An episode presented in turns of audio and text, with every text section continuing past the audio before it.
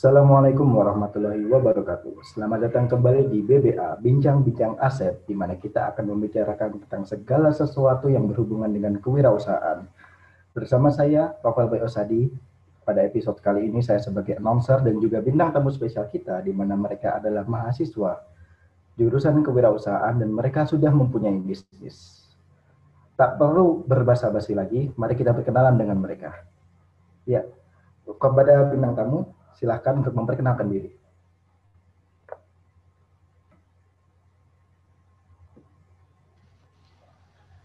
Halo semuanya ya, perkenalkan nama saya Muhammad Salah Samadan, NIM 1909627 dari kelas 2B Kewirausahaan. Di sini saya founder Aromara. Aromara, iya. Silakan selanjutnya. Uh, baik, uh, Assalamualaikum warahmatullahi wabarakatuh. Perkenalkan, nama saya Renaldi Egi Gumilar dari kelas 2B Kewirausahaan. Uh, jadi, bisnis saya ini uh, ada di bidang entertainment, tepatnya itu channel YouTube. Oh iya, silakan Tuan Rafi. Oke, perkenalkan nama saya Muhammad Rafi, kelas 2A Kewirausahaan. Asal saya dari Bogor, kegiatan saya sekarang adalah menjadi pelajar dan mengembangkan usaha. Ya, mengembangkan usaha. Iya, itulah bintang tamu kita kali ini. Terlihat bahwa kita mempunyai tiga bintang tamu istimewa dengan tiga bidang usaha yang berbeda.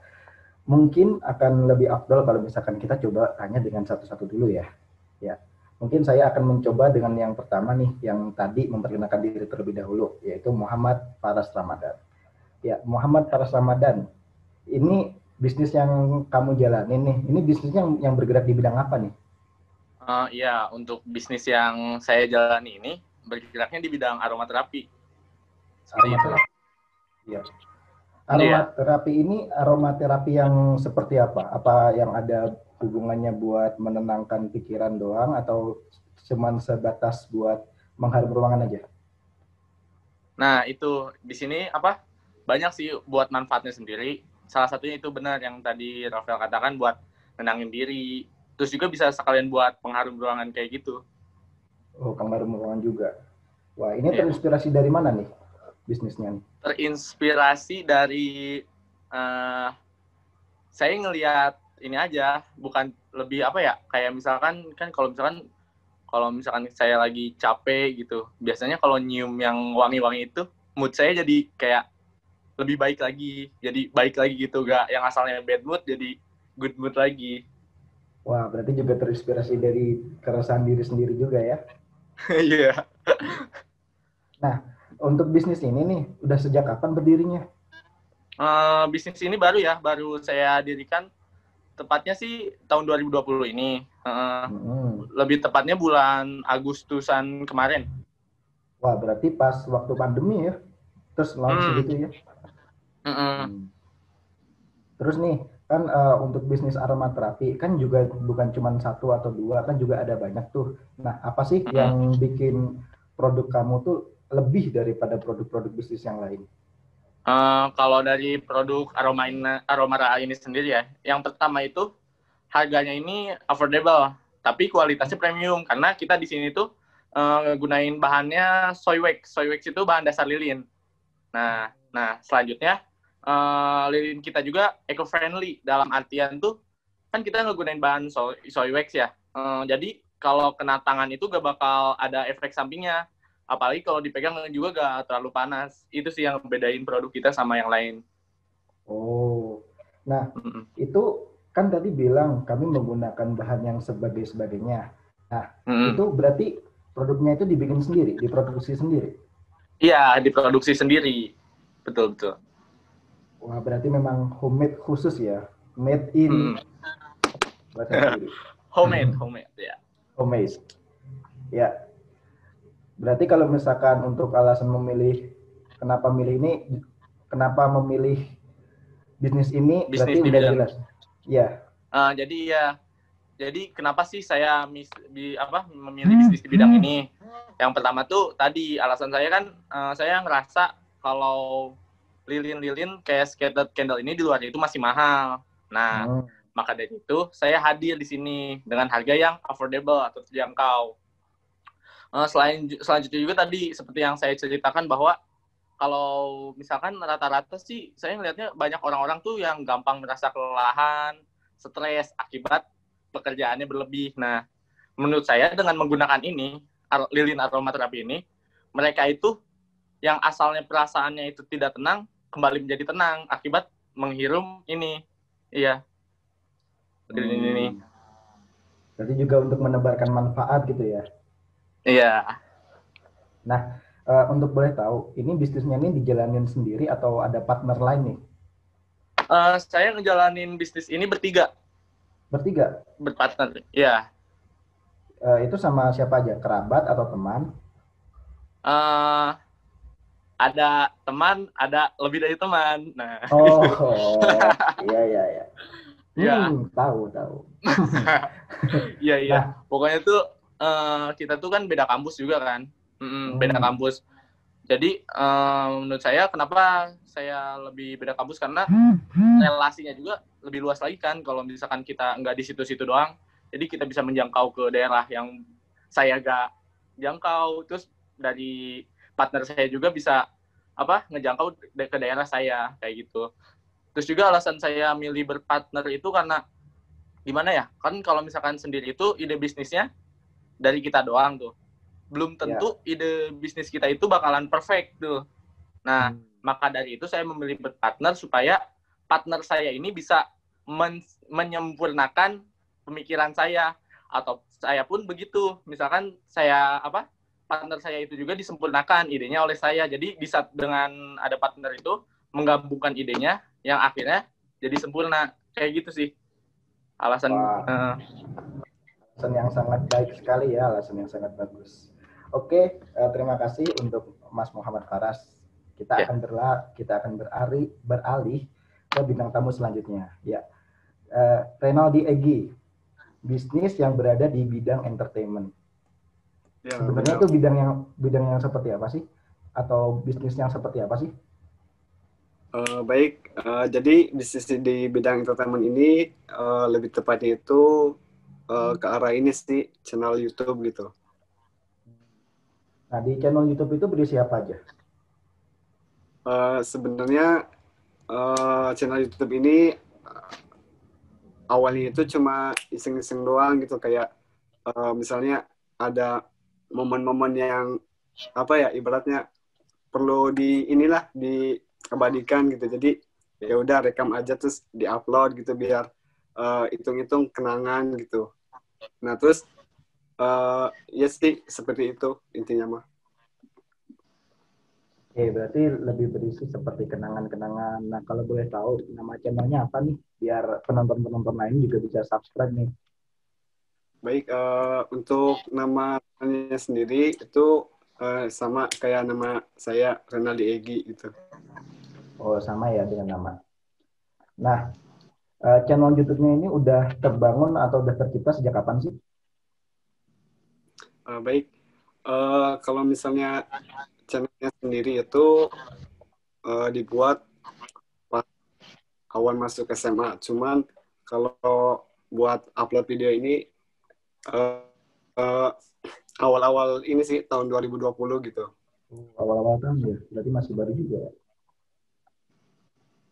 Ah, kan gini, channel YouTube itu kan banyak nih. Terus pasti juga banyak kan yang sejenis sama channelnya Mas Renaldi.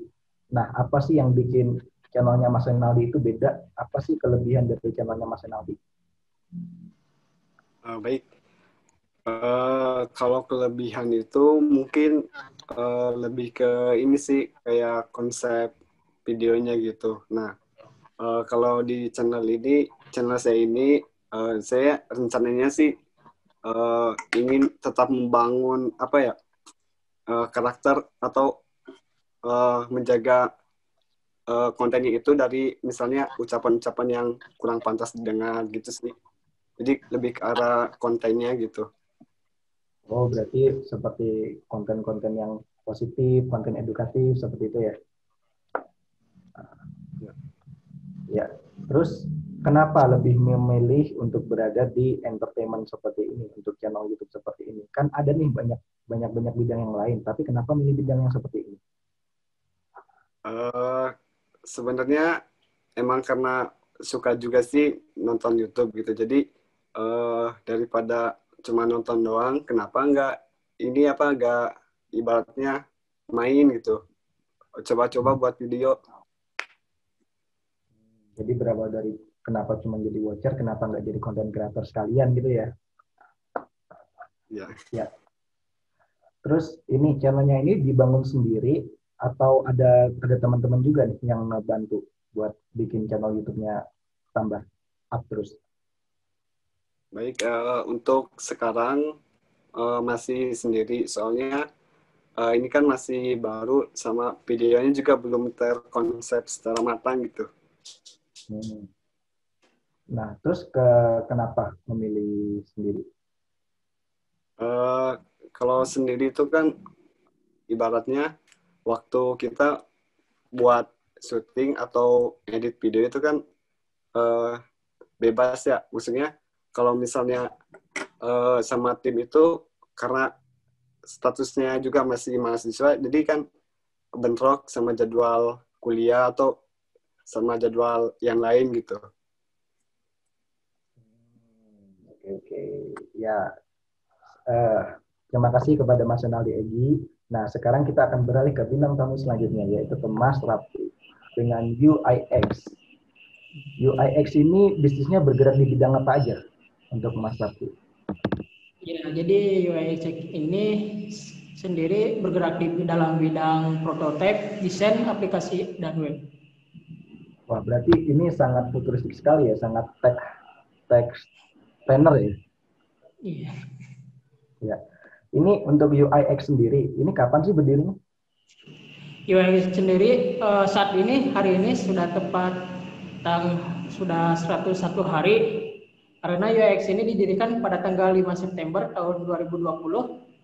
Jadi sudah sekitar sudah tiga bulan lebih lah. Wah, tiga bulan lebih. Tidak techpreneur. Nah, kalau misalkan dilihat nih dari yang tadi di bidang-bidang yang seperti sudah Mas Raffi katakan kan ada tuh bidang desain terus ada bidang prototype nah tapi kan juga ada tuh di luar sana yang mempunyai bisnis yang dengan bidang-bidang yang sama nah apa sih yang membi yang membuat UIX ini berbeda dan atau apa sih kelebihan dari UIX ini sendiri? Di UIX ini ada tiga kelebihan yang berbeda dari pesaing lainnya yaitu yang pertama harganya murah.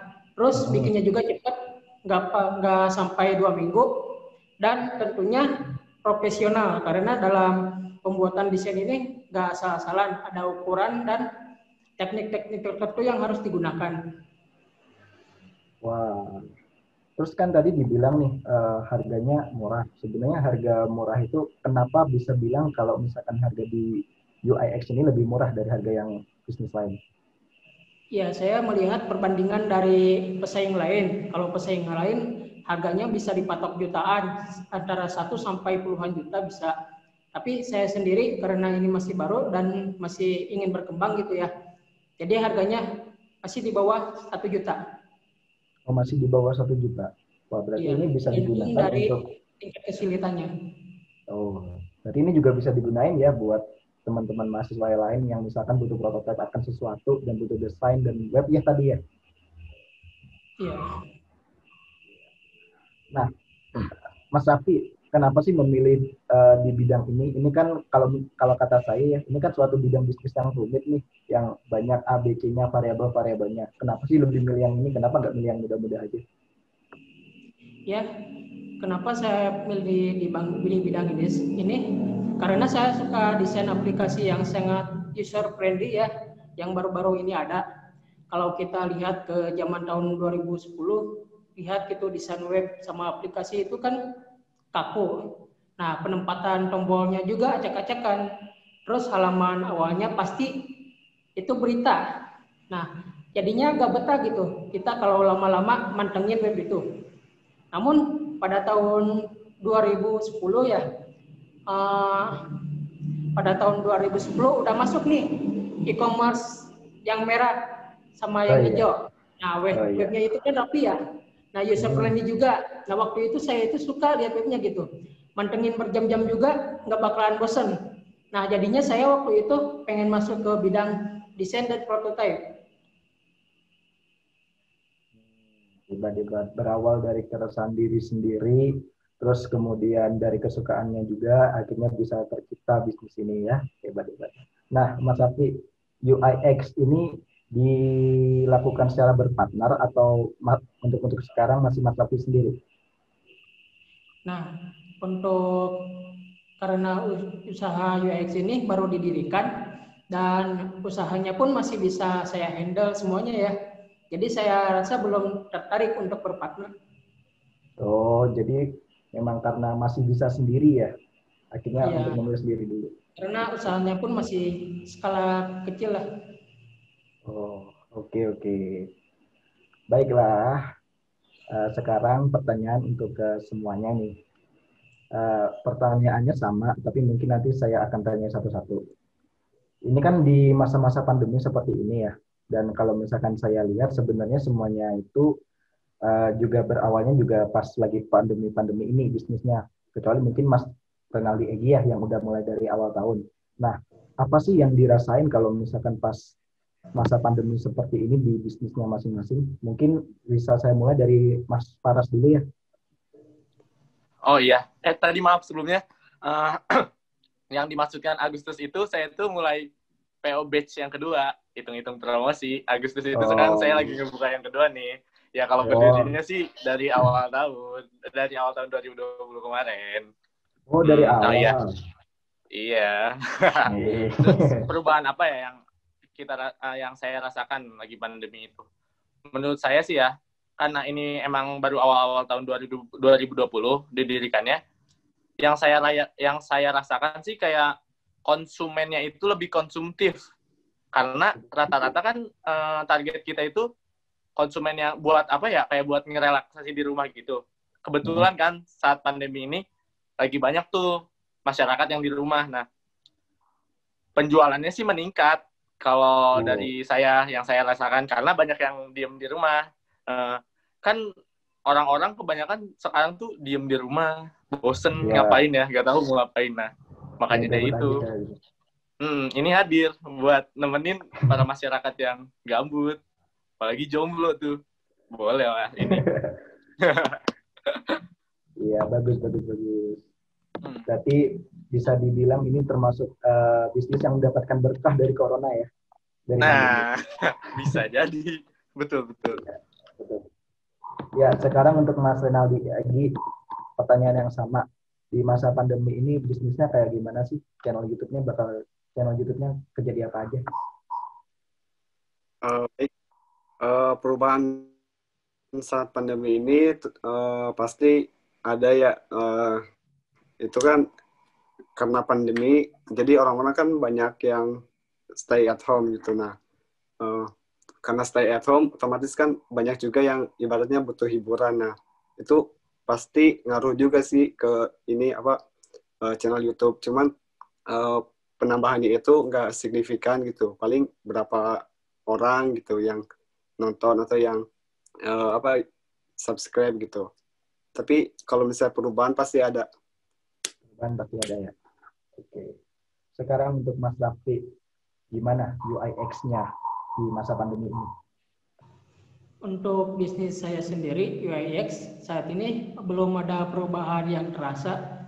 Selain karena bisnis ini masih baru saya dirikan ya, pengerjaan dan pemesanan pun bisa dilakukan secara online. Oke, baik. Sekarang pertanyaan selanjutnya untuk kalian semua juga ini kan masa pandemi nih. Kita kalau misalkan promosi kan terbatas nih. Dalam artian kalau misalkan kita mau pasang billboard di jalanan pun juga kebanyakan kan lebih milih, lebih milih di rumah aja, physical distancing dan sebagainya. Nah, gimana sih strategi pemasaran kalian selama masa pandemi ini? Mungkin saya mulai lagi dari Mas Faras lagi. Uh, ya, uh, kalau strategi marketing dari usaha saya ini sih, yang pertama ya, yang paling utama saya ngegunain di sini media sosial yang pertama itu mulai dari TikTok, Instagram kayak gitu. Di sana tuh kita apa kayak bikin konten semenarik mungkin agar para konsumen itu tertarik sama produk kita. Itu. Selain itu juga sih, uh, saya juga menggunakan ini influencer untuk endorsement. Nah, iya. Itu. Itu sih kalau strategi yang dari saya apa? Yang saya lakukan sekarang. Wah, berarti fokus ke media sosial apalagi untuk para milenial ya yang banyak iya, betul sekali. ngurusin media sosial. Oh iya, ya. tapi sebelumnya juga uh, strategi yang saya lakukan sebelum masa ini yaitu dengan cara mulut ke mulut. Nah, mulut ke mulut. Iya, kan dulu itu saya ngejualinnya itu kan buka sekitar kampus kan, kampus ada kampus daerah Bogor itu. Nah, di situ saya uh, ngejualin ke salah satu misalkan salah satu konsumen, terus konsumennya itu cerita lagi ke yang lain. Akhirnya seperti itu. Jadi kayak ngasilin rantai rantai konsumen supaya beli ke kita kayak gitu. Iya. Wah marketing gratis ya kalau misalkan istilah kasarnya iya betul betul. Ya eh, sekarang kita beralih ke Mas Renaldi Egi. Gimana strategi pemasarannya di masa pandemi ini untuk channel YouTube-nya baik uh, kalau strategi pemasarannya sendiri itu lebih banyak ini sih kayak uh, dari mulut ke mulut gitu. Misalnya kalau misalnya uh, punya ide dan misalnya video ini udah di ini nih, udah di upload gitu. Itu lebih ini sih kayak ngajak ke temen atau orang-orang terdekat gitu. Eh, ini barusan uh, upload video, tonton gitu. Oh, berarti lewat mulut ke mulut gitu ya? Iya. Sekarang uh, untuk Mas Safi UIX-nya, strategi pemasarannya gimana nih? Berhubungkan juga baru mulai pas masa-masa pandemi ya. Ya, di masa pandemi ini metode pemasaran yang saya lakukan itu online melalui iklan Facebook Ads yang menargetkan para usaha UMKM yang berada pada tahap maju dalam perkembangan bisnisnya. Jadi saya itu menggayat para UMKM yang mulai maju. Seperti itu itu iklan Facebook Ads itu nanti bakal munculnya di Facebook aja atau ada juga eh, platform-platform uh, lain? Kenapa? Kan tadi di iklan Facebook Ads. Nah, itu untuk Facebook aja atau bakalan kan Facebook juga punya Instagram nih. Apakah nanti juga bakal muncul di Instagram juga? Untuk saat ini masih memakai Facebook Ads aja. Oh, Facebook Ads aja ya. Iya. Ya. Baiklah. Nah, sekarang nih untuk teman-teman semuanya, apa sih harapan ke depannya untuk bisnis kalian sendiri?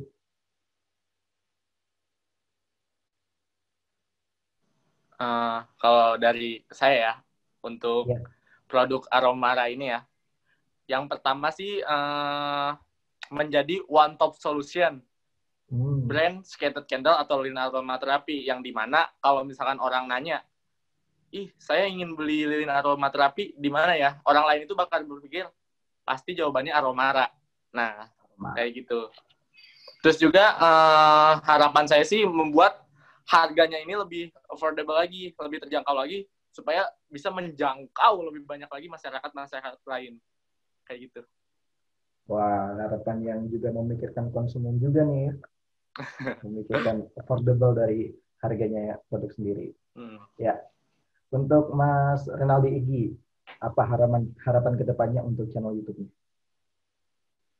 Baik, uh, harapannya itu mungkin lebih ke ini sih kayak uh, kita tuh eh uh, maksudnya bisnis ini tuh pengen dikenal juga uh, selain menghibur orang lain juga bisa memberikan edukasi gitu entah itu uh, misalnya tentang motivasi atau emang atau hal-hal yang sifat itu memberikan wawasan itu. Wah ya baik. Nah sekarang untuk untuk Mas Muhammad Rafi apa sih harapan ke depannya untuk UIX-nya? Nah, saya berharap di masa mendatang UIX ini bisa menjadi lebih besar dan bisa lebih banyak menggayat UMKM yang mulai maju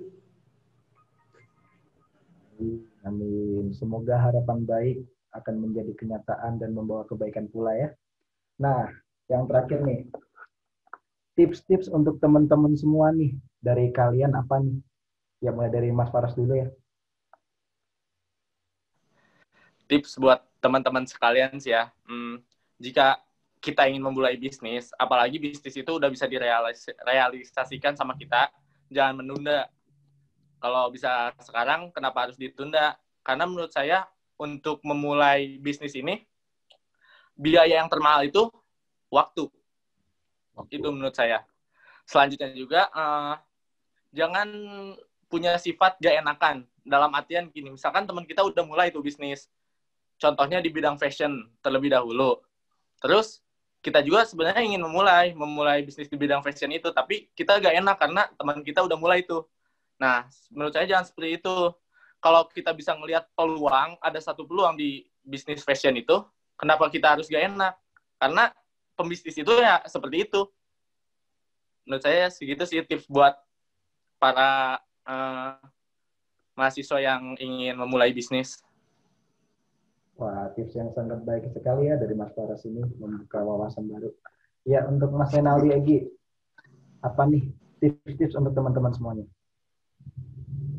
Uh, tipsnya itu uh, sama sih seperti yang tadi Faras sampaikan. Uh, jadi intinya kita tuh lebih mulai aja dulu gitu. Lebih baik mencoba daripada uh, tidak sama sekali. Ya, baik tips yang sangat baik sekali ya. Oke, Mas Raffi, apa nih tipsnya untuk teman-teman semua nih? Ya, untuk tips teman-teman semua singkat saja dari saya. Maju ketika ada kesempatan, siap ketika ada rintangan. Nah, itu kuncinya. Wah, tips yang sangat bagus sekali ya rangkaian kata-katanya dan diksinya.